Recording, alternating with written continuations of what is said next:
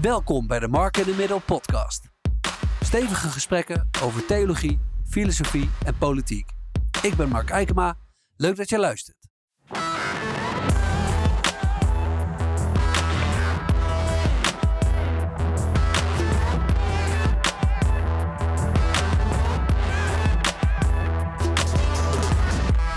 En hij loopt. Hartstikke goed.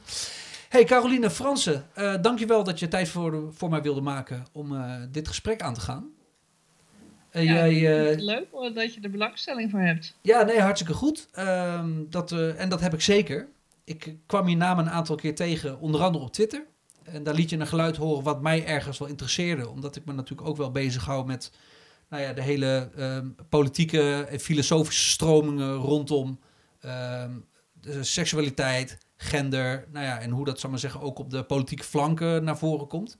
Nou, jij weet daar het een en ander van. Um, en, een stuk meer dan ik. Dus ik dacht, hé, hey, laten we eens in gesprek gaan. En ik hoor graag jou, uh, jouw visie op dit, uh, op dit vraagstuk.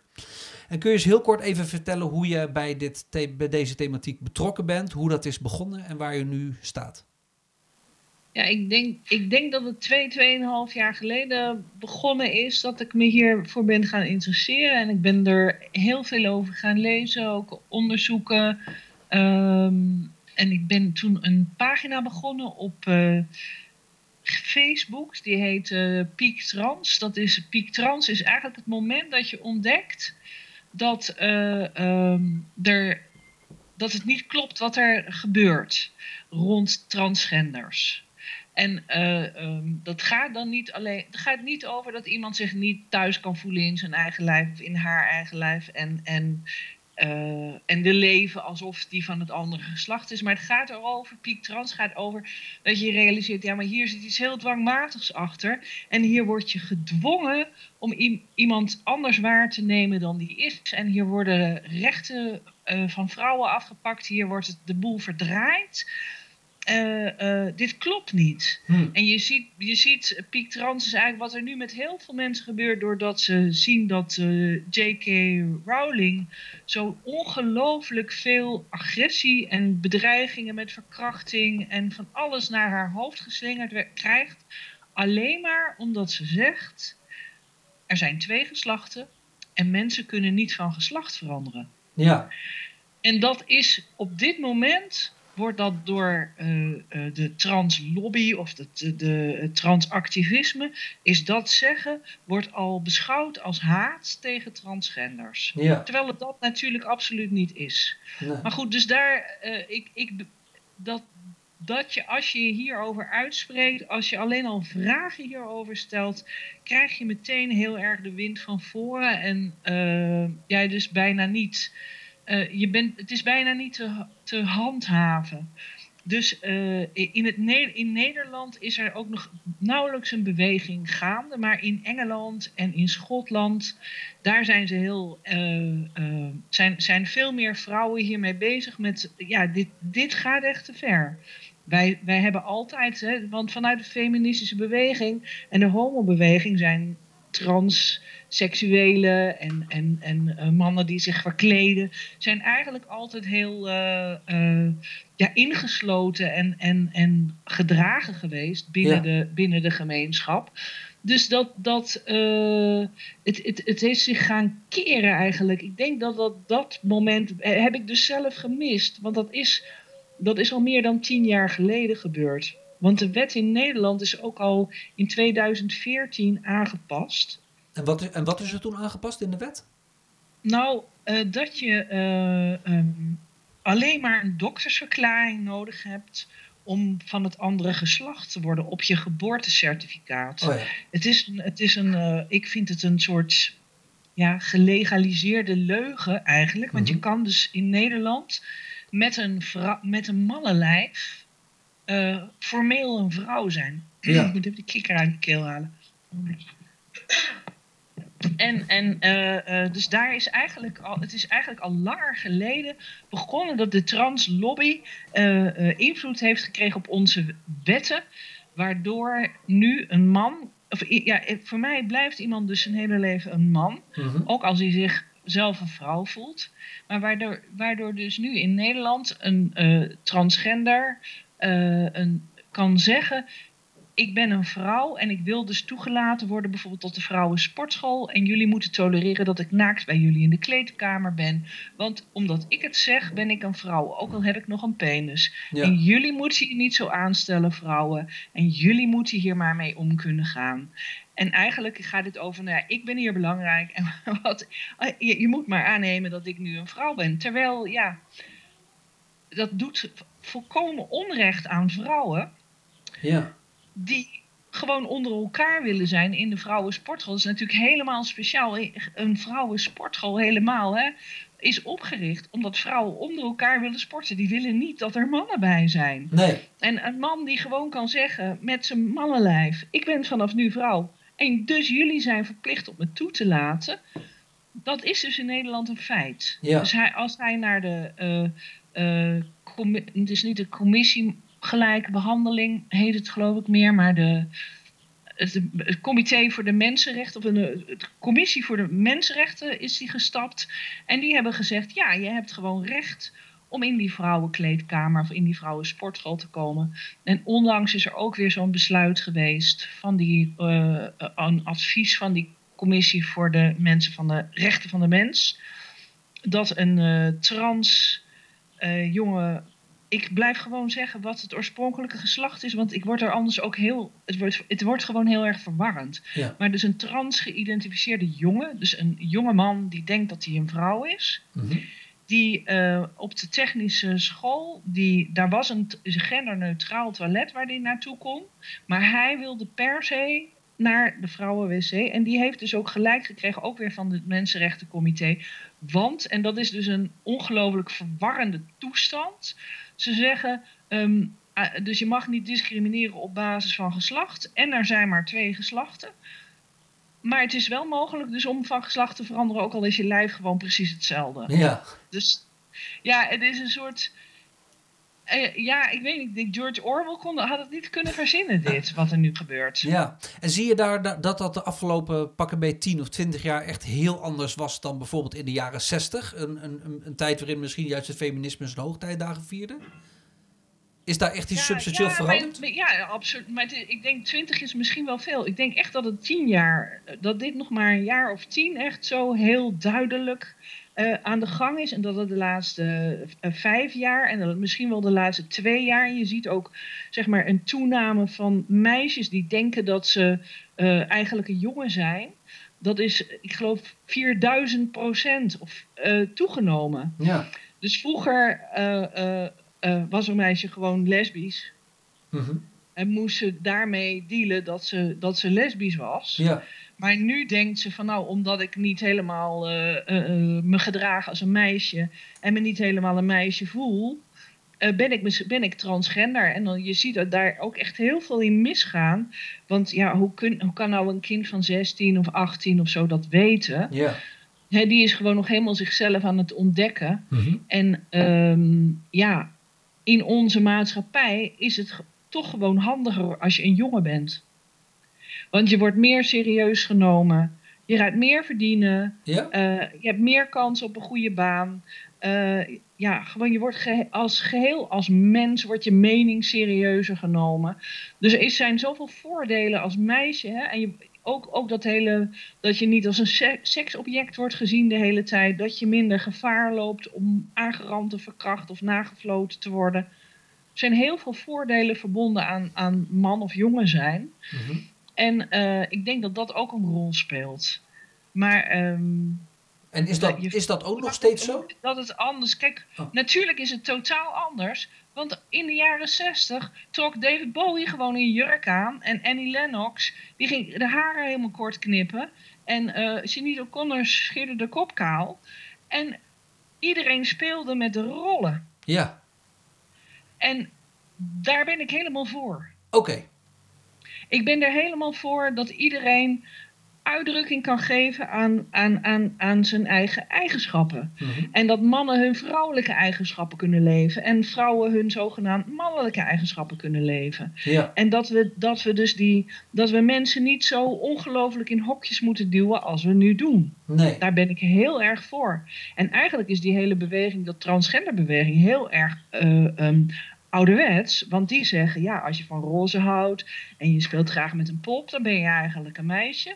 En als je een broek aan wil en je wil in de modder rollen en je wil uh, met een vrachtauto of je wil, uh, weet ik het, uh, bomen klimmen, dan, oh, maar dan ben je misschien eigenlijk een jongen. Ja.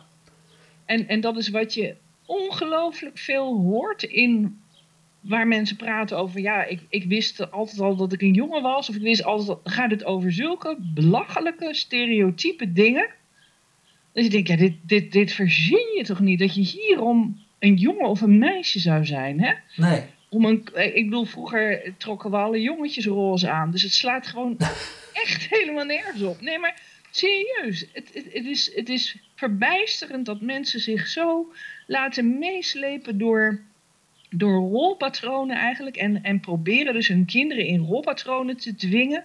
En als die kinderen niet in het rolpatroon passen, dan zeggen, nou dan ben je van het andere geslacht. Ja, dus wat ik eigenlijk hoor zeggen is, je bent heel erg voor dat iedereen gewoon lekker moet doen wat hij wil. Weet je, ik als man bijvoorbeeld trek vooral een jurk aan als je daar zin in hebt. Ehm, en dat juist de transbeweging dat eigenlijk tegengaat. Want die zegt, nee, dan ben je niet de man die zijn vrouwelijke eigenschappen lekker aan het ontwikkelen is of zo. Maar je gaat je juist voegen naar een stereotype waar je, waar je een probleem hebt. Is, is, is dat ja. eigenlijk je, de, de kern van je betoog? Ja. ja. ja. en, en daarbij komt dan inderdaad het andere punt wat je aanhaalde. ging inderdaad over het, um, het gevaar dat vrouwen inderdaad lopen. Ik, ik geloof dat jullie binnenkort een online uh, seminar organiseren. Met de titel dat, dat de, de translobby bedreigt vrouwenrechten. En, en dan denk je inderdaad met name denk ik aan bijvoorbeeld douchegelegenheden, een blijven mijn lijfhuis en dat soort zaken. Of zie je ook nog op andere fronten um, nou ja, gevaar? Uh, nou ja, uh, in, um, die zijn natuurlijk, de, de belangrijkste plekken zijn natuurlijk de plekken waar vrouwen kwetsbaar zijn. Ja. En je bent kwetsbaar als je in de wc, op de wc zit met je broek naar beneden. En het is natuurlijk, het is gewoon bekend dat in gemengde toiletten, in gemengde gelegenheden, uh, er meer uh, voyeurisme en, en uh, flash, ik weet niet hoe, indecent exposure, maar dat, dat, dat, dat er gewoon dat soort dingen meer gebeuren. Ook natuurlijk aanrandingen en verkrachtingen gebeuren ook meer in, in gemengde gelegenheden. Ja. En dat is dus één ding, maar het andere is ook, vind ik, Um, je hebt gewoon een recht op privacy. Ja.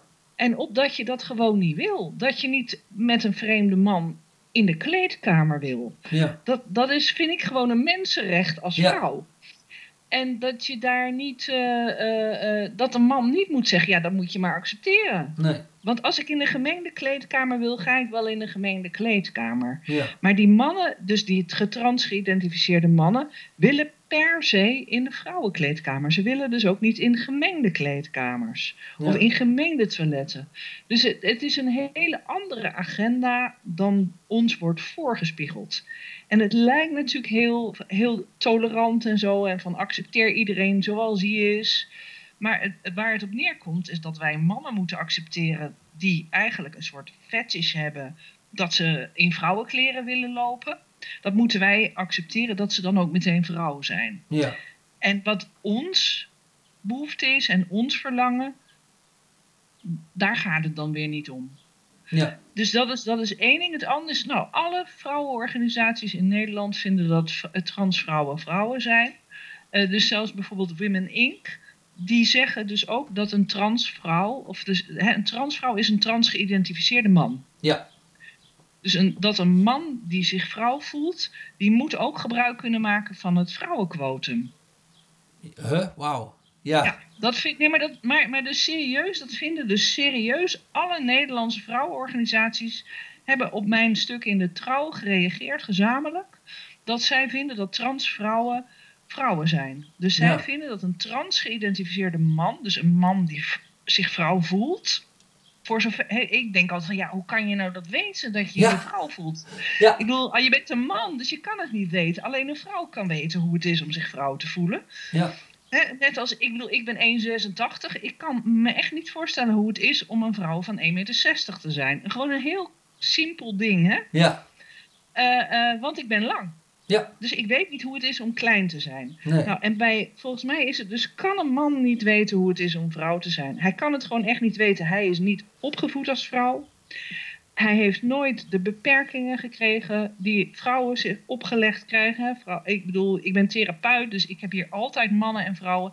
En je ziet gewoon precies dat, hoe vrouwen geleerd is om zich alsmaar op anderen te richten en hun eigen behoeften aan de kant te schuiven. En hoe mannen veel meer in contact zijn met wat ze zelf willen. Want dat vindt iedereen ook prima, dat een man zelf iets wil. Mhm. te- hè, en dat hij zich niet op anderen richt. Ja, nou moet ik zeggen dat dat al- als een best wel ouderwets stereotype klinkt. En eh, ik krijg inmiddels bijna het gevoel dat dat nu eigenlijk bijna niet meer speelt. Nu begrijp ik dat jouw ervaring als therapeut misschien anders is en dat zou heel goed Ja. kunnen. Maar eh, zie jij daar ook wel verschuivingen in naar een meer egalitaire opvatting eh, op, op dat vlak in ieder geval? Als het gaat over Helemaal mannen en vrouwen? Of? Oh, Helemaal niet. Nee. Nee, dat is allemaal, ik vind dat allemaal, het is allemaal een soort uiterlijke schijn. We zeggen wel van, we, het enige wat we hebben gedaan is zeggen, meisjes moeten nog minder nodig hebben. Meisjes moeten zelfstandig zijn, vrouwen moeten zelfstandig zijn. Je ziet alimentatie is ook afgeschaft. Terwijl ja, of hè, het is nu nog vijf jaar, nou dat is dus eigenlijk een soort praktisch afgeschaft. Dus als een vrouw drie kinderen krijgt, weet je wel, en dan kan een man gewoon na vijf jaar weg en dan moet zij dat allemaal maar zelf weer verder regelen. Dus eh, van vrouwen wordt verwacht dat ze helemaal zelfstandig zijn en niks nodig hebben. Terwijl mannen die, die hebben de vrijheid om, om, om weer verder te gaan. Maar hoezo? Wat, dat, dat, dan ga je er eigenlijk vanuit dat de kinderen per definitie bij de vrouw terechtkomen. Wat vaak ook zo is trouwens hoor, volgens mij. Ja, Toch? ja dus de, want die voelt zich verantwoordelijk. Ja, Ja. Als een man zich echt verantwoordelijk zou voelen, zou die ook gewoon echt alimentatie willen betalen ja, aan zijn vrouw als ze de kinderen opvoedt. Omdat hij het belangrijk vindt dat die kinderen eh, een, een goede eh, eh, steunpunt aan hun moeder hebben. ja. Dus dat mannen dit hebben, hè, want in in mijn optiek hebben die mannen die alimentatieregelingen weer afgeschaft. Hij was eerst al hard voor geknokt, natuurlijk door vrouwen, Mhm. om te zorgen dat ze eh, ja, enigszins ontspannen hun kinderen konden opvoeden na een scheiding, maar dat is dus afgeschaft. Ja. Daar, nou ja, dat, en dat is met de stichting Voorzij houden we ons dus niet alleen bezig met het transgebeuren of met het aantasting van de vrouwenrechten door, Mhm. door, dit, eh, door de translobby, maar ook in het algemeen. Want dit zijn gewoon heteroseksuele mannen die de rechten van vrouwen aantasten. ja. Dus Maar- waar, waar niet een gelijkwaardige verdeling is tussen de lusten en de lasten, maar de vrouwen veel meer lasten krijgen en de mannen meer lusten. Ja, en eh, wat zou dan in dit geval jouw voorkeur hebben? Zeg je van, hey, die alimentatie die zou eigenlijk weer ehm, nou, zwaarder moeten worden of langer moeten duren, zeg maar? Of zeg je van, eigenlijk moet je alimentatie in dat opzicht afschaffen en eh, de, ja, de, de kinderen eerlijk verdelen, zeg maar? Of in ieder geval de, de belasting in kosten en tijd.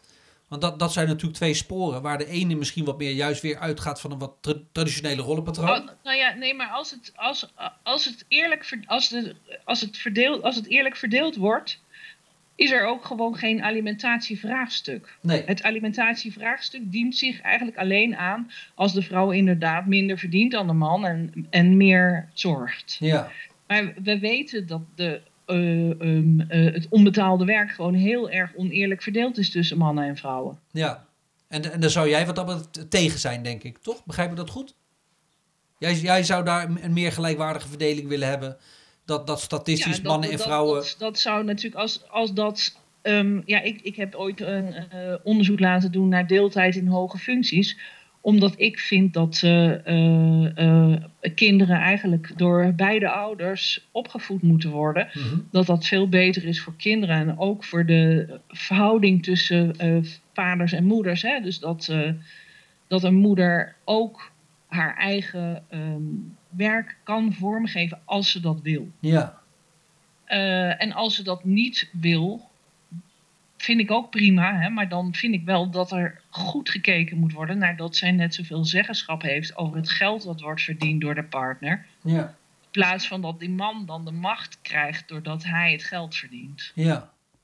En hoe, hoe, hoe kijk jij aan tegen de, de verschillen die er wat dat betreft bestaan tussen mannen en vrouwen? Want ehm, ik, hoor, ik hoor je zeggen op het gebied van geslacht, zeg maar, dat dat redelijk eh, biologisch gedetermineerd is. Dat staat gewoon vast. Weet je, chromo, chromosomen of nou, hoe dat dan precies ook zit. Daar weet jij veel meer vanaf dan ik. Uh, maar zou het ook niet kunnen zijn dat de verschillen die er bestaan tussen man en vrouw op dat vlak uh, misschien ook meer biologisch zijn en minder sociaal geconstrueerd? Hoe, hoe maak je een onderscheid tussen die twee? Nou, uh, um, het gaat mij over vrijheid mm-hmm. om, je, om jezelf uit te drukken en om te doen wat je wil. En over gelijkwaardigheid. En op het moment dat je ziet dat de ene meer macht heeft in de relatie, uh, uh, dan zie je dat het, dat het scheef zit. Dus daar, daar, daar kijk ik naar. Het gaat mij om gelijkwaardigheid. En in gelijkwaardigheid kan je totaal verschillende dingen doen. Ja. Dus, je, dus, dus, dus, als ik een. Ik, heb, uh, ik begeleid ook stellen. Nou, als de een thuis is en de ander werkt, kan je dus volledig gelijkwaardig zijn gelijkwaardig het, naar beslissingsbevoegdheid hebben over het geld, gelijkwaardig praten over hoe je de kinderen opvoedt, uh, uh, allebei evenveel zakgeld krijgen om persoonlijke bestedingen te doen als man en als vrouw. Ja, maar wat je dus, dat, dat is allemaal mogelijk. Terwijl je totaal verschillende rol vervult, kan je gelijkwaardig zijn. Maar wat er gebeurt nu is, de man verdient meer, hij ontleent daar ook een macht aan. De vrouw verdient minder of weinig of niks en ontleent daar ook een onmacht aan. Dus ze durft ook oh. geen geld aan zichzelf te besteden. En je ziet dat de, dat de verhouding scheef gaat. Ja. En, en, daar gaat het mij om. Het gaat mij om de gelijkwaardigheid. En niet om hoe je het precies verdeelt. Want ik bedoel, ja, voor het ene gezin is dit goed en voor het andere gezin is dat goed. Dus, dus gelijkwaardigheid ontstaat niet als je allebei precies hetzelfde doet. Gelijkwaardigheid ontstaat als je echt gelijke beslissingsbevoegdheid hmm. en gelijke macht hebt. Ja. En uh, zie je dat, dat, dat, dat, dat zo'n zo concept als dat de laatste tijd wat meer uh, gelijkwaardigheid wordt? Of zie je daar in een terugloop? Ik, ik vind het heel betrekkelijk ik denk oh, dat het misschien in, in, in 10% van de gezinnen uh, mensen in staat zijn om, om inderdaad gelijkwaardigheid een beetje vorm te geven. En dat de rest is allemaal, uh, uh, ja, heeft de een meer macht dan de ander. En dan zou ik ook nog zeggen, zeg maar in 80% van de anderen heeft de man meer macht en in 10% heeft de vrouw meer macht. Oké. Dus dat is ongeveer zo, zoals ik het zie. Maar ja, ja ik, ik krijg natuurlijk ook mijn eigen klandizie die bij mij past. Hè? Ja, nee, dat is inderdaad. Want als ik naar mijn eigen leven kijk, ik heb dan een, eh, zeg maar zeggen, bijna fulltime baan. Ik, ik werk dan iets minder, zodat ik af en toe nog eens een keer een podcast kan opnemen. Maar dat is het dan wel. En mijn vrouw die werkt momenteel, nou ja, ik zal niet zeggen niet, want ze werkt als ZZP'er, dus heeft een aantal kleine klussen. Maar is inderdaad voornamelijk bezig met inderdaad uh, kinderen. De vaatwasser is nu kapot, dus ze doet ook nog de afwas. Dat vindt ze leuk, prima. Uh, onze moestuin, dat soort zaken. Maar ik ervaar daarin geen enkele ongelijkwaardigheid als het gaat over zeg maar zeggen, beslissingsbevoegdheid of hoe waardevol je bent of wat dan ook. Nou, dan hangt dat misschien ook. ja? Dat is dus, dan hoor jij tot die 10%. Nou, nooit geweten. Voor mij de 10% vooruitstrevende mensen die daarin slagen om werkelijk een gelijkwaardige relatie vorm te geven met hun partner. Dus ja, ik zou zeggen bravo. Ja, nou, ik wist, ik wist niet dat ik zo bijzonder was. Maar ja, nee, het is echt bijzonder. Het is echt veel bijzonderder dan je denkt. Want iedereen gaat ervan uit, ja, maar we, we zijn toch allemaal geëmancipeerd en er, is toch heel veel veranderd. En dat is gewoon niet waar. Maar dat kan je als onderzoeken doen, dan, dan zie je dat ook, weet je wel, aan, de, aan de allerlei verdelingen en dingen. Maar uh, moeten we niet terug naar die, uh, trans, dat trans gebeuren? Ja, ja, ja, want dat is inderdaad wel, wel interessant. Ja, want ik, ik, ik vind dit zelf echt een, een best een complex punt. En ik denk dat ik heel erg, um, zal maar zeggen, wel uh, aan jou, ja, jouw kant sta. Klinkt een beetje kinderachtig, maar je snapt wat ik bedoel. Ik onderschrijf mhm. ook wel die werkelijkheid van... hey, een man is een man en een vrouw is een vrouw. Uh, en daar heb je misschien nog een soort hele dunne groepering tussen... waar dat inderdaad misschien ja, wat, wat onduidelijker is. Het, je schijnt iets als een kleinvelter-syndroom te hebben... waar mensen inderdaad, waar de chromosomale uh, samenstelling dermate confuus is... dat je denkt, oké, nou ja, in welk bakje valt dit? Dus nou, daar kan je dan nog een gesprek over hebben. Maar goed, dat is vrij marginaal. Uh, Kleinvelder kan alleen maar bij mannen. Oh, nou, kijk, daar ga je al. ja, nee, het is echt, nee, maar het is veel eigenlijk ook, soms dan denk je, ja, het is eigenlijk veel simpeler, want bijna iedereen ook die intersex is, heeft toch ook gewoon ofwel twee, min, alleen maar XX-chromosomen, of minstens één ei. Okay. Kijk, en die, en die verwarring, zit, of de, de, de problematiek gaat er dan in dat er meerdere, dat er dus iemand 3X-chromosomen heeft, of, of extra Y-chromosomen. En daar gaan dan dingen mis. Maar de basale uh, seksen, um, hoe noem je dat? De indeling? Ja, de seksindeling is er wel. En Oké. maar, zeg maar, als je alleen maar naar de geslachtsdelen kijkt, zijn er bij, bij de intersex mensen soms mensen die, ja, waar ze dan voor kiezen van, nou, die heeft zo'n klein piemeltje, daar gaan we een vagina van maken. Maar dan, dat kan dus gebeuren met iemand die eigenlijk een jongen is. Ja. En, en mensen met intersex eh, wil, vinden, willen ook echt helemaal niet betrokken worden bij het transgender gebeuren Nee, oké. omdat hun, hun problematiek heel anders is. Ja. En, en zeker in de tijd dat er dus nog een beetje snel eh, geopereerd werd, zijn er, zijn er dus hele schadelijke dingen gebeurd met mensen die dus, zeg maar, dat het fysiek anders is, eh, eh, dat het niet helemaal klopt, dat je. En, en dat ze daar dus meteen al in gingen snijden in die kinderen. ja. En dat, dat, is, dat, dat zie je dat gelukkig dat nu de kinderen die dus niet duidelijke, alle duidelijke geslachtskenmerken hebben, dat ze daar een beetje ruimte aan geven. En dat, ja, dat is dus, je bent dan dus bijzonder, want je hebt het niet precies hetzelfde als wat iedereen heeft. ja. Maar dat betekent ook niet dat er meteen gekozen moet worden voor nou, wat, wat ze met je gaan, dat ze aan je gaan opereren. Oh ja. Maar dat staat eigenlijk helemaal los van, van ehm, mannen die denken dat ze vrouw zijn of vrouwen Ja. die denken dat ze man zijn. Ja. Want dat gaat over een identificatie en die, die vindt ook gewoon veel later plaats. Ja. Dat pro- probleem dient zich aan eh, in de puberteit. En je ziet heel vaak dat, dus, dat er eh, trauma's aan ten grondslag liggen. Dus dat, dat eh, meisjes liever jongen willen zijn vanwege seksueel misbruik. En jongens ook liever meisje willen zijn vanwege seksueel misbruik. En die, die, er zijn echt tragische verhalen van mensen die, dus van mannen en vrouwen, op, die zich hebben laten opereren. En, en eh, eh, 30 jaar geleden, zeg maar. En daar dan heel, op veel latere leeftijd achter komen van... hé, hey, maar daar lag een trauma onder. Ja. En nu dat trauma... Nu ik dat trauma heb verwerkt, jeetje, dan heb ik ook nog mijn lichaam verminkt. Ja, want dat is inderdaad een geluid dat ik vaak hoor de laatste tijd. En dat vind ik inderdaad ook wel tragisch. Dat, dat zijn, zal ik maar zeggen, niet zozeer... Kijk, want die hele discussie over of je je wel of niet kan laten, nou, plat gezegd, ombouwen, zeg maar.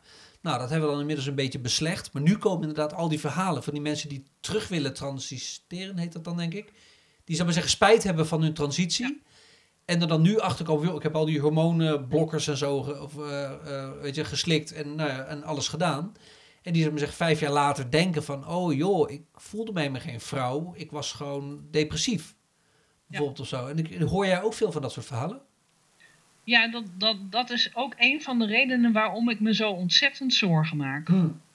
Want in Nederland ook eh, eh, worden, krij- krijgen kinderen al, en ik noem dat kinderen, die krijgen eh, puberteitsblokkers. Dat zijn medicijnen die dus je puberteit stoppen. Ja. Dat betekent dat eigenlijk je lichaam nooit helemaal tot ontwikkeling komt. En dus zowel je fysiek als je brein ontwikkelt zich niet volledig. Mhm. Want het is juist ze doen alsof het een eh, eh, eh, terug te draaien valt. Maar dat valt natuurlijk niet terug te draaien. Want je, moet, je lichaam moet zich gewoon ontwikkelen. Als je 13 bent, moet je gewoon Ja. door die puberteit heen. Maar daar hebben ze dus allemaal gedachten over. Van nou ja, als je lijf al, als je al brede schouders hebt, kan je nooit meer, dan kan er nooit meer een meisje van je gemaakt worden. Maar het is gewoon een soort eh, ja, de, medisch experiment Ja. eigenlijk op kinderen. Want ja, een no- normaal lijf heeft dat nodig. En wat er gebeurt is, die kinderen krijgen puberteitsblokkers. Dus hun seksualiteit ontwikkelt zich nooit normaal. Nee. Dus dan krijg je kinderen die kunnen niet klaarkomen. Die, hebben gewoon, die, raken, die worden al steriel gemaakt als ze 14, 15 zijn. Terwijl volwassen vrouwen die, eh, van 30 die geen kinderen meer willen krijgen en zeggen wil je me steriliseren, die krijgen nee van ja misschien bedenk je je nog. Ja. Maar, maar bij die kinderen wordt dit allemaal heel serieus genomen. En er wordt er ook gedaan alsof een kind dit kan weten. En of een kind hierover een beslissing kan nemen. Ja. Terwijl, terwijl nou ja, ze mogen niet stemmen, ze mogen niet drinken, ze mogen nog niks. Maar ze kunnen dan wel, zo, zouden dan wel in staat zijn om te kunnen bepalen of ze een man of een vrouw zijn. Ja. En wat ik hoor is dat inderdaad de, zeg maar zeggen, de translobby dit proces ook nog eens een keertje wil versnellen. Want nu kom je vaak op een wachtlijst te staan, dan komt er een intake dan moet je met een psycholoog gaan praten. En ik sprak een tijdje geleden inderdaad met een transactiviste die op een gegeven moment zei van ja, dat, dat moet je allemaal niet willen. Dat kind weet dat zelf het beste. Als jij een meisje bent, dan ben je een meisje. En dan douwen we die pillen erin. En dan zijn we van het gedoe af. En dan denk ik, dat kan toch ook gewoon niet kloppen? Nee, maar het klopt ook gewoon echt niet. Nee. Het klopt echt niet. Het is echt heel erg schadelijk en fout. En, en, en er is, het is ook bekend dat als je dus niks doet, Mhm. je geeft niks, maar je gaat praten en je gaat trauma, aan traumaverwerking doen. Nou, dat ergens tussen de 80 en, en, en 90 of 95 misschien wel procent van de kinderen gewoon de eigen, het eigen geslacht gaat accepteren.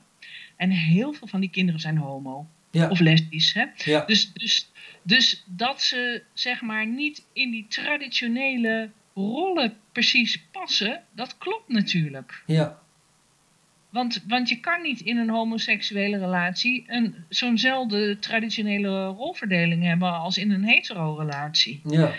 En eh, ehm, ja, ik, het is echt. ehm, ik vind het zelf onbegrijpelijk dat dat affirmeren, dus het bevestigen van dat, dat, je, dat je überhaupt in het verkeerde lichaam geboren kunt zijn.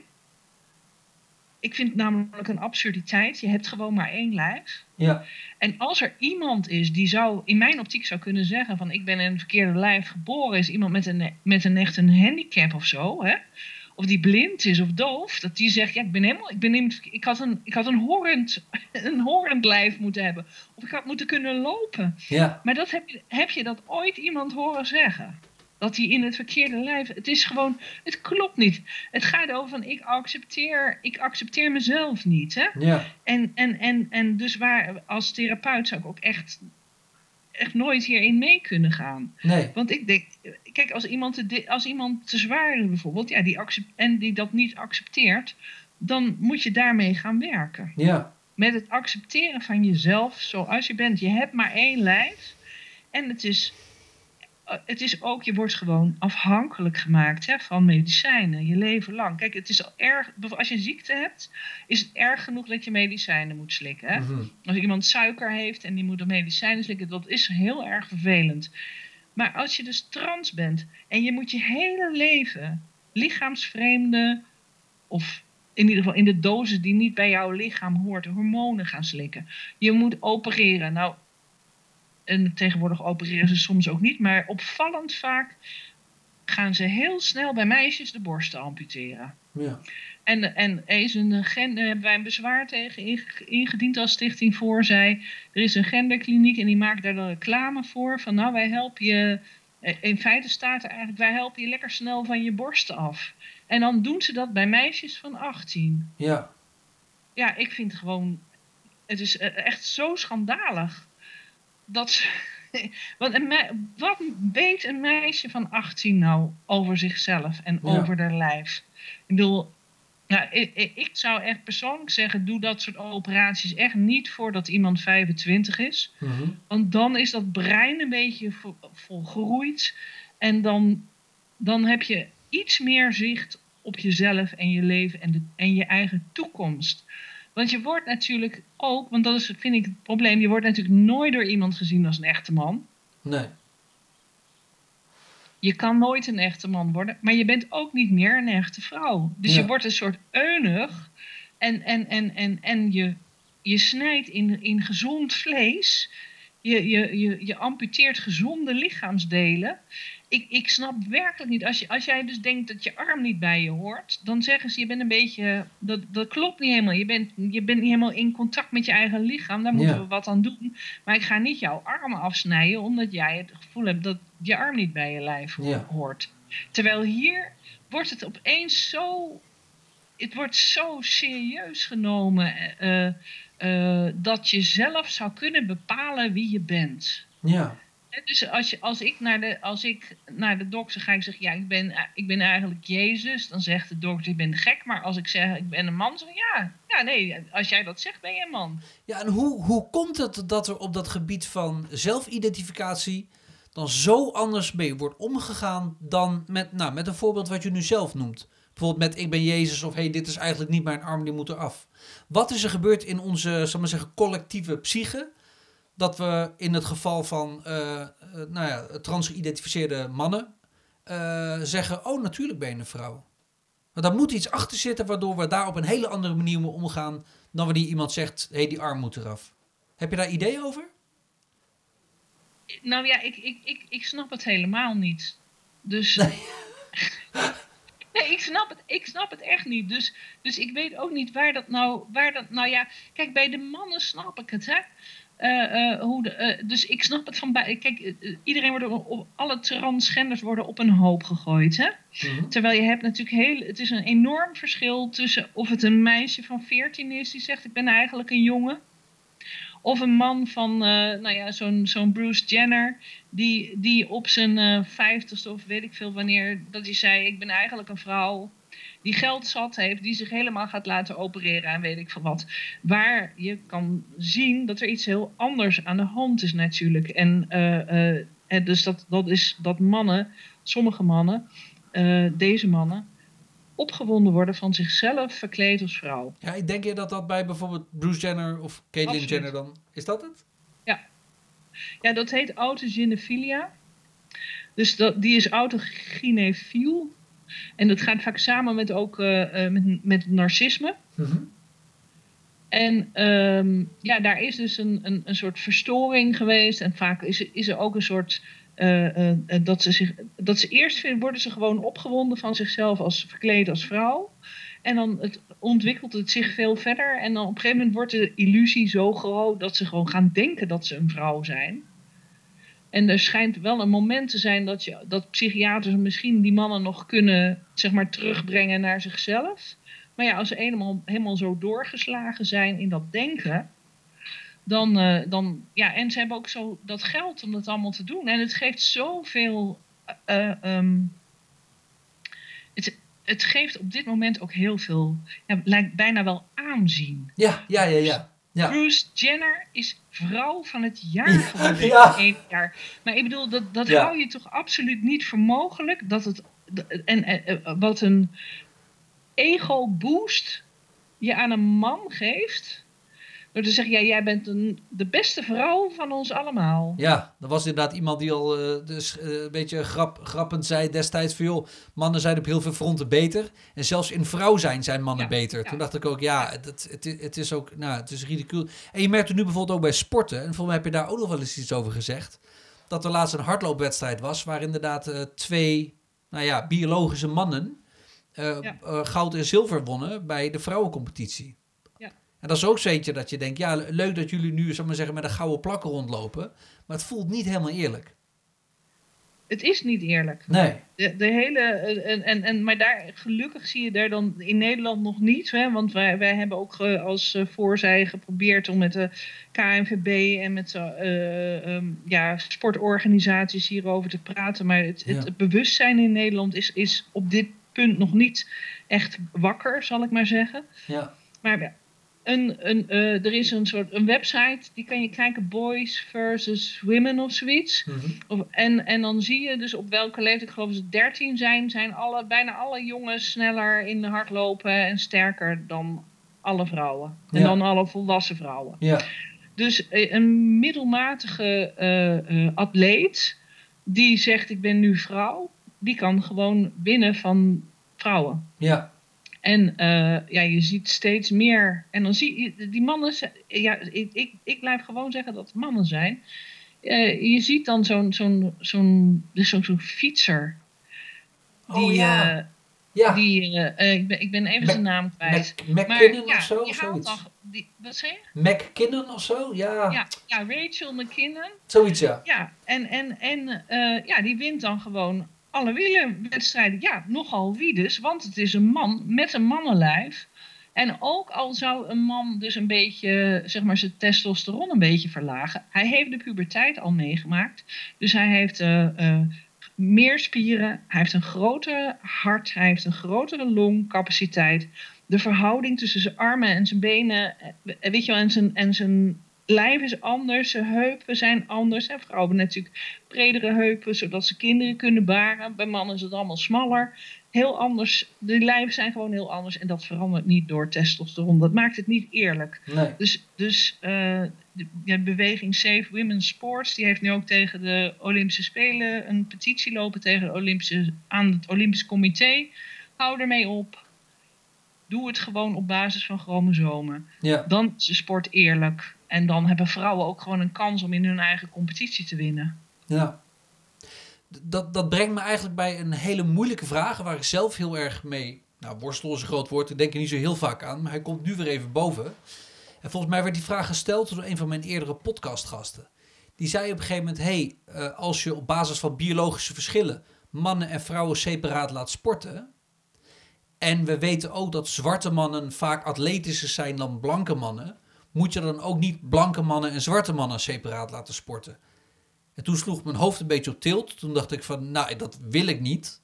Want het, het voelt heel fout.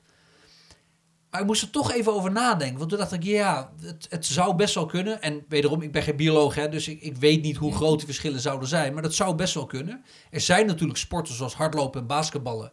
Waar ehm, zwarte sporters het vaak veel beter doen. Ehm, zou je daar dan niet ook iets mee moeten doen?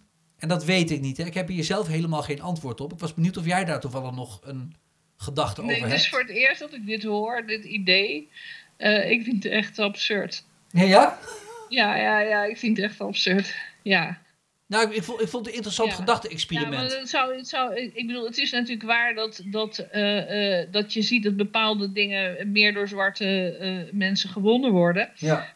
Ja, maar het is niet zo dat als je naar sport kijkt, dat overal zwarte mensen in alle sporten de beste zijn. Nee, nee het, het, het, verschil is natuurlijk veel kleiner. Dat is inderdaad wel zo. Maar die personen zetten mij wel aan denken van ja, oké, maar waar, waarom dan wel de grens bij biologisch geslacht en niet bij biologisch nou ja, ras? Hoe, weet je hoe los die term dan natuurlijk ook is, hè? Ja, omdat, omdat geslacht natuurlijk heel duidelijk vast te stellen is. Ja, ja dat is misschien bij ras inderdaad alweer minder het geval. Dat zou wordt, wordt, wordt, je wordt ook gelijk, wordt ook gelijk discriminatie natuurlijk. Nou ja, zeker weten. Maar goed, dat is, dat is mannen en vrouwen los van elkaar laten sporten, is ook een vorm van discriminatie natuurlijk. Ja, en als je zegt discriminatie is onderscheid. Maar goed, ik ben, er, ik ben voor dit onderscheid. En vrouwen hebben natuurlijk, anders zouden vrouwen dus nergens wat winnen. Dan zou het voor vrouwen geen enkele zin hebben om zich te ontwikkelen tot sporter. Ja, nee, mee eens. Terwijl ik denk, ja, dat is, dat is nou een van de dingen eh, een van de dingen die we bereikt hebben als vrouwen is dat we eigen vrouwencompetities hebben in dat sport. Dat je ook ziet bijvoorbeeld met het vrouwenvoetbal hoeveel, uh, uh, hoe, welke ontwikkeling daar allemaal in zit. Ja. En uh, ja, op het moment dat je zegt, nou, als een man zegt dat hij vrouw is, mag hij ook meedoen met het vrouwenvoetbal. Nou, dan is dat vrouwenvoetbal ook gewoon weer ja, afgelopen. Precies. Hè? En, dat zou jammer zijn. We keken toevallig laatst, um, toen die coronatoestand net uit was gebroken, keken we die integrale uitzending van het, uh, van het WK 88, geloof ik. Of EK, dat, dat, de, uh, dat Oranje elftal werd toen, geloof ik, Europees kampioen of wereldkampioen, whatever. Het grappige dat mijn dochtertje dat zag en zat te kijken en dat, hey, is er ook een oranje elftal van de mannen.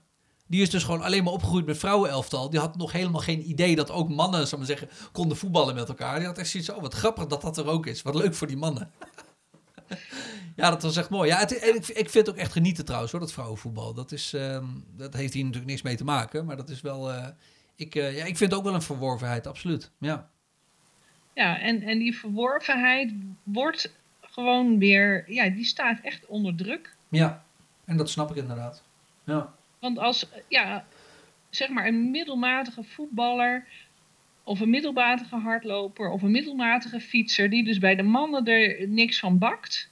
Neem uh, Cici Telfer, geloof ik.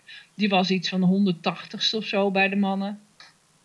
En nou, en nou bij de vrouwen uh, wint hij. Ja, en MMA-fight... Ik weiger dus, uh, dat, is, dat wordt opgevat als heel erg onbeleefd.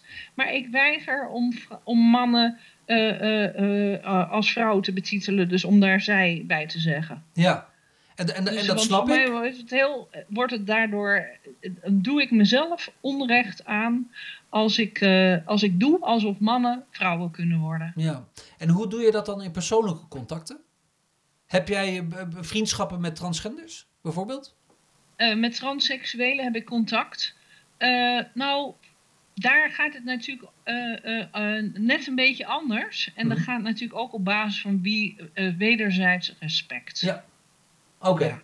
Nou, ik moet daar zelf aan dus denken. Ik, ik, ga natuurlijk niet per ik, ik ben niet dwangmatig dat ik per se tegen een trans, het transseksueel waar ik contact mee heb per se dan hij ga zeggen.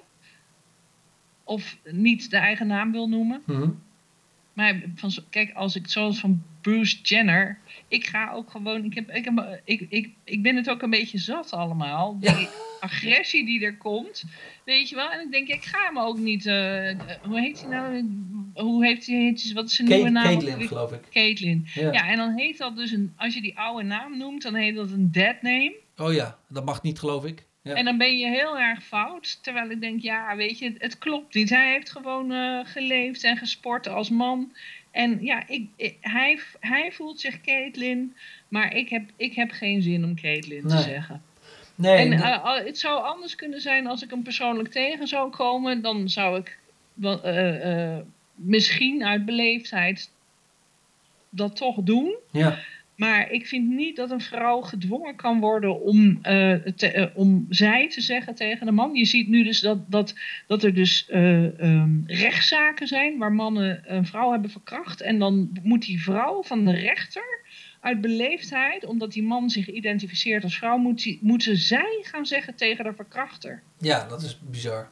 Ja, En, en, en, en dus, dus ik heb een soort principieel standpunt ben ik. Ben, ik word eigenlijk, ook door alle agressie, word ik steeds principiëler erover. ja. En ik heb net eh, ehm, van de week weer eh, eh, meerdere berichten van Facebook laten verwijderen waar ik word uitgescholden. Ik ben natuurlijk net weer twee weekends geleden in de Volkskrant. Word ik voor verkapte transfoob uitgemaakt. Oh en, ja. en, en, en vergeleken met dat ik haat verspreid zoals Wilders. Ik haat geen mensen. Ik zeg alleen, mannen kunnen geen vrouwen worden. ja. En ik wil geen mannen in de vrouwenkleedkamer. En ik wil geen mannen met, die met kleine meisjes eh, eh, in, in hoe, hoe, hoe noem je dat? eh, nou ja, op kamp gaan. Of, Ja. ja, daar, daar moet je gewoon duidelijk in zijn. Er moet veiligheid zijn. En ook voor moslimvrouwen en Joodse vrouwen... die echt niet met iemand van het andere geslacht in een ruimte mogen zijn ja. hoe idioot ik dat misschien vind, hè, dat dat van hun eh, geloof niet mag, vind ik het helemaal niet respectvol dat wij vinden dat ze dat wel moeten. Ja, nee, dat snap ik inderdaad, ja. En wat we eigenlijk doen door die verwarring te creëren en door mannen overal toe te laten in vrouwendomeinen, is eigenlijk dat we zeggen, zowel tegen moslimvrouwen als tegen Joodse vrouwen, als tegen vrouwen met een geschiedenis waardoor ze bang zijn van mannen, Mhm. krijg de scheid. Ja, jij maar thuis. Want wij kunnen niet garanderen, zelfs niet als je naar de vrouwenwc gaat, zelfs niet als je naar het vrouwenzwemuurtje gaat, eh, zelfs niet eh, als je naar de vrouwenopvang gaat, omdat je door je man in elkaar bent getimmerd. Wij kunnen je nergens garanderen dat je niet met een man een kamer hoeft te delen. ja, Of dat jij je niet uit hoeft te kleden bij een man in, in de kleedkamer. ja. Ik vind het niet kunnen. Nee. Dus daar, dat is waar ik mij heel hard voor maak. Ik, ik vind dat er voorzieningen moeten zijn in Nederland gebaseerd op seksen, op geslacht dus. En geslacht kan niet veranderen. Dus mannen moeten bij de mannen en vrouwen bij de vrouwen. Ja. Helder verhaal. ja. Ja, nee, ik, ik, ik, ik denk dat, dat ik het inderdaad redelijk voel. Ik, ik heb zelf een aantal afleveringen geleden heb ik inderdaad met een, eh, nou ja, zeg maar transvrouw gezeten. Dus een, wat ik dan zou zeggen, biologisch man, maar nu al, nou, ik denk 25 jaar lang zich identificerend en gedragend en kledend als vrouw. En daar kwam ik zelf inderdaad ook in een soort spagaat terecht. Dat ik dacht, ja, ik, ik, ik zeg dan Wendy tegen haar ook. Op het moment, Ja. Zeker op het moment dat ik met haar in gesprek ben. En ook als ik met mijn vrouw het daarover heb. Want dan denk ik, oké, ik heb ben nu ontmoet. In, in, in allerlei opzichten, gewoon als, zoals, zullen we zeggen, face-to-face, is het een vrouw. En dan denk ik, nou, dan ga ik mee in het verhaal van een vrouw. Eh, maar ja, inderdaad, op de man af vragend, ehm, zou, zou ik inderdaad ook al bij het punt blijven. Ja, maar, maar uiteindelijk, is het een man. En ik, ik vind dat heel moeilijk om daar inderdaad op een zuivere manier mee om te gaan. Door enerzijds wel recht te doen aan de waarheid. En tegelijkertijd ook recht te doen aan nou ja, gewoon de persoonlijkheid en de gevoelens van de persoon in kwestie. Eh, en wat daar wat mij betreft ook heel erg in meespeelde, is dat Weddy daarin misschien ook al een atypische eh, houding heeft. Die is namelijk helemaal niet eh, progressief. Het is een, een, een conservatieve, christelijke transvrouw. Uh, en daar is ook heel erg wars van die hele agressieve lobby, waar jij dan waarschijnlijk juist mhm. veel meer last van hebt. Van de bedreigingen en het gescheld en zo. Daar moet Wendy wat dat betreft ook niks van hebben. Die wil gewoon in alle rust, zou maar zeggen, zichzelf kunnen zijn. En moet niks hebben van die haat en die agressie en die toestanden. En ik, ik, ik merk ook wel dat ik daardoor dan ook eerder geneigd zal zijn om te denken... nou, als ik Wendy tegenkom, dan zeg ik... Wendy, ik heb het over haar. En, nou, dus, en, maar goed, absoluut. Maar, dat gaat, dat, maar dat, dat, ik denk dat de meeste transseksuelen ook erg last hebben van deze agressieve lobby. Want zij, zij willen helemaal niet... Uh, uh, ze willen gewoon eigenlijk niet... Het wil eigenlijk niet gezien worden als... Uh, dat er iets met hun is. Nee. Ze willen opgaan in ja, in hun nieuwe vorm. Laat ik het zo zeggen. Dus daar is, daar is niet. En die zijn ook niet zo ontzettend eisend en dwingend. Nee. En dat, daarin merk je ook, als je naar de cijfers kijkt, zie je ook dat door de agressie van de translobby de acceptatie van transgenders de laatste jaren alleen maar aan het afnemen is. En dat is natuurlijk ook gewoon treurig in dat opzicht. Het is voor transseksuelen met name natuurlijk heel naar. Ja, zeker. Ja. En, en ook uh, die zeggen, ja, wij, hebben, uh, wij vinden dat het iets vraagt van je. Als je echt gezien wil worden als vrouw, ja, dan moet dus die piemel eraf.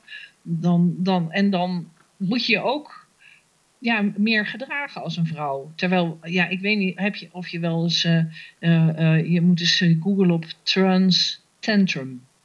En dan zie je dat dus deze, die activisten op het moment dat, dat er iemand niet doet wat zij willen, of niet zegt wat, niet precies, weet je wel, het woord gebruikt wat zij willen, dat ze ontzettend agressief worden. Er was laatst nog een en die pakte dan uh, uh, iemand zo in zijn nek en die zei, ja, als je nog eens wat zegt, dan, dan zien we elkaar buiten wel. Ja, en ik, nou, Bizar, vrouwelijk gedrag. Hè? Ja, ja, ja. ja en, en, en ik heb steeds van, nou, dan laten we elkaar buiten maar ontmoeten. En ik heb nog nooit een vrouw tegen iemand dan ook horen zeggen: Weet je, ben het niet met, met mij eens? Nou, uh, ik, we, we, knokken het wel even buiten uit. Ja, bizar hè? En, en dus, dus dan wordt dat hele agressieve mannelijk gedrag, komt uh, bam. Het is, het is een dun laagje fineer eigenlijk. Dat, dat, het is een jurk en een pruik en een lippenstift.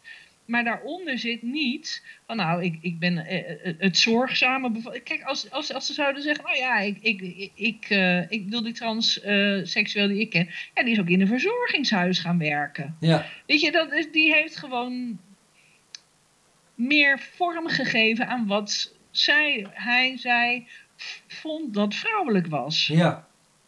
Maar ja, je ziet het met, ook met, met echt hoge houten methoden bij banken en zo. Daar, daar, verandert gewoon helemaal niks in hun gedrag. Nee. Het, is een, het, het, is van nou, ik doe lippenstift op en een pruik en een jurk. En dan ben ik een vrouw. Maar goed, dat is, een, dat is niet vrouw. Nee. Dat is een kostuum. Ja, je, je lijkt eigenlijk meer problemen te hebben zozeer met de translobby en niet eens per se met transseksuelen, zeg maar, denk ik. Hey? Nee. Nou, maar dat is misschien wel even goed om uit te spreken voor mensen die dit luisteren. Nee, helemaal niet. Nee, Maar ik bedoel, helemaal niet. Er zit, bij onze uh, uh, beweging zitten er ook gewoon transseksuelen. Ja. Die zich ook zorgen maken over deze ontwikkeling. Ja, ja. En die, die niet uh, en, en die zich ook heel erg zorgen maken over wat er gebeurt met kinderen omdat zij ook wel voelen van ja, je kan, een, een kind kan, kan deze beslissingen helemaal niet nemen. Ja. Dus we moeten die kinderen helemaal niet allemaal naar transklinieken sturen. We moeten ze gewoon naar de gewone psycholoog sturen. Ja. En, en, en traumawerk laten doen. Ja. Op het moment dat je het zegt van nou, je kan naar de transkliniek, neem je het, in mijn optiek neem je al eigenlijk het helemaal voor waar dat het trans is. Ja. Pittig. Ja. ja. Ja. Dat zijn, uh, het zijn grote onderwerpen. En uh, ik ben benieuwd hoe, die, uh, hoe jullie seminar gaat verlopen, jullie conferentie. Want die is op 23 juni, zie ik. Ja. Is, is die voor iedereen toegankelijk? Voor iedereen die geïnteresseerd is in het onderwerp? Oké. Okay. Ja, als je, je moet een kaartje kopen. En we hebben twee spreeksters uit, uit Engeland. We hebben Julia Long, die is van Get the L Out. Dat is dus een beweging die uh, uh, zegt van nou in de LGBTQ uh, et cetera beweging is eigenlijk geen plek meer voor lesbiennes. Want lesbiennes worden vanuit die translobby wordt er gezegd van ja, je moet eh, eh, eh, als iemand zich vrouw voelt, is die vrouw. Dus een lesbienne moet ook met een trans Oh. eh, geïdentificeerde man vrijen. Ja, je lacht nu. Ja, maar het is, het is... Dit is, dit is echt, dit, de- hier zit een hele grote druk achter. Ja, En je wordt onmiddellijk transfoob genoemd als je, niet, als je zegt van nou mijn datingpool beperkt zich gewoon tot vrouwen. Dus eh, de hele van ik, ik ben alleen maar aangetrokken tot dezelfde seksen. Daardoor is die hele LGB Alliance opgericht. Eh, eh, dat er gewoon een nieuwe beweging aan, eh, aan het komen is. Die opkomt voor eh, homoseksuele, lesbiennes en biseksuelen ja. die zich aangetrokken, waar het echt puur om het geslacht gaat. En wij hebben de oprichter van, eh, van de LGB Alliance, Beverly Jackson, hebben we ook als, als Oh. spreekster. Dus dat is een ja, internationale koploper. Eh, want ja, in feite in Nederland ook. Ik heb nu net vandaag weer gelezen dat, eh, eh, dat een homoseksuele man door het COC verwezen was naar dat, dat het COC tegen zei, maar misschien ben je transgender. Dus want als je dan vrouw wordt, dan ben je gewoon heteroseksueel. Het COC, hè? Ja, wauw. Het COC in Nederland is helemaal geïnfiltreerd door de translobby. Net als bijna alle andere organisaties. Maar van het COC zou je het natuurlijk niet verwachten. Nee. De gay-krant ook. Ik ben ook door, allemaal, door hun allemaal geblokt. Omdat ik zeg van ja, die, dat hele transgender gebeuren is voor een deel gay conversion therapy. Dus eh, eh, ehm, hè, homoseksuele kinderen. Nou, als je, als je dan on- vervelend vindt dat je kind homo is of dreigt te worden, of zich erg als, hè, als jongen erg als een meisje gedraagt, of omgekeerd, en dan laat je het eh, ombouwen, nou dan is het niet meer homo, hè? Ja. Dus in, in, in sommige kringen kan je beter, is het dus beter dat je je kind helemaal laat verbouwen en onder de medicijnen zet, dan dat je accepteert dat het homoseksueel is. Ja. Bizar. Ja. Ja, dat, maar dat is dus echt wel echt waar dat dat gebeurt. En ook in Nederland gebeurt dat. Ja. Ja, niet dus, goed. dus we hebben het, eh, eh, Beverly Jackson van de LGB Alliance en Julia Long, eh, eh, eh, die is meer in het algemeen eh, ja, ook activist, of hoe noem je dat, feministisch, eh, eh, eh, betrokken bij dit gebeuren. En ik ga zelf iets vertellen over ja, wat er allemaal speelt in Nederland. Ja. Nou, heel interessant. 23 juni. Eh, kaartjes zijn volgens mij te krijgen via voorzij.nl. Klopt. Kost maar een tientje, dus dat is het geld niet. Dus ehm, ja, interessant. Ik hoop dat het een, eh, ik hoop dat het een succes wordt. Ja, dat hoop ik ook. Ja. Hey, ik sluit de aflevering altijd af met eh, drie kaartjes uit deze kaartenbak. Ja, Geen idee wat voor vragen het zijn, dus beantwoord ze zo, zo eerlijk als je zelf wil en zo kort of lang als je zelf wil. Ik gebruik gewoon als een afsluiter van de aflevering. Geef het altijd even een beetje lucht. Oh, nou, dat valt tegen. dat is gelijk een moeilijke vraag of niet? Hoe hoop je dat jouw leven eindigt? Nou ja, zeg. Nou, voorlopig nog even niet. Nee. hoop ik eigenlijk. ik bedoel, ja, jeetje, moet ik daar, ja, nou, ik, ik, ik hoop voorlopig dus, ik ben eh, juf van eh, coaches en therapeuten. En Ja. Ik, ik, ik geef les in, mijn, in eh, mijn eigen beeldkrachtmethode. Nou, dat hoop ik nog wel een jaar of tien te kunnen doen eigenlijk. Oké, nou. Dus ik was nog niet zo bezig met het einde van mijn leven. Nee, heel goed. Nou, dan pakken we de volgende. Helemaal prima. Op welk gebied zou je nog eens echt over je grenzen willen gaan? Ik zou wel een vliegtuig willen besturen. Oh, echt? Ja, Ja, dat is ook wel gaaf. Ik heb Ja. het voor mijn werk wel eens gedaan en dat is wel echt heel tof. ja. Ja, leuk. Dus die, die grens zou ik wel over willen. Niet, ik zou niet uit, een, niet uit een vliegtuig willen springen, want dat vind ik weer een beetje eh, te eng. Ja, ja, Maar ja. een vliegtuig besturen lijkt me echt heel cool. Oh, Ja. nou, leuk. Hey, laatste vraag. Welk advies heeft jou op enig moment het meest vooruit geholpen?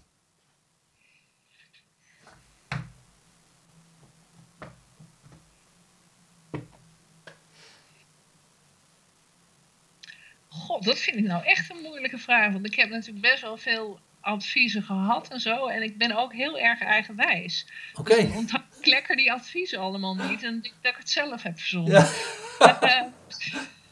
Eh, ja, dat kan ook natuurlijk. Maar de, de, de, zeg maar, waar mensen mij altijd het, het meeste mee helpen, is om me een beetje af te remmen en maar één ding tegelijk te doen. Oké. Dat is dat is, dat is het advies wat mij altijd het meeste helpt. Want ik heb, ben heel erg creatief Uh-huh. en ik ben heel initiatiefrijk. Dus ik, ik, ga, ik, ik, ik begin soms te veel tegelijk. Dus het beste advies wat mensen mij geven en is één, één ding tegelijk en afmaken. Ja, oké. Nou, hartstikke goed. Ik hoop dat het in ieder geval met, eh, met deze onderneming gaat lukken. Je. en met eh, de seminar die eraan zit te komen. Hey Carolien, hartstikke bedankt voor je tijd. Ik vond het eh, interessant om met je hierover door te praten. Ik hoop, eh, ik hoop dat dat ook met alle dreigementen en al het gedoe dat je over je heen krijgt, dat dat ook eh, minder mag worden. En dat mensen de moeite nemen om naar je verhaal te luisteren. Ehm, en eh, ja, want het is niet makkelijk als je al dat soort shit over je heen krijgt. Dus eh, alle goeds daarmee. Dankjewel. En eh, nogmaals bedankt. En eh, we komen elkaar op Twitter ongetwijfeld over tegen. Goed, dankjewel. Top.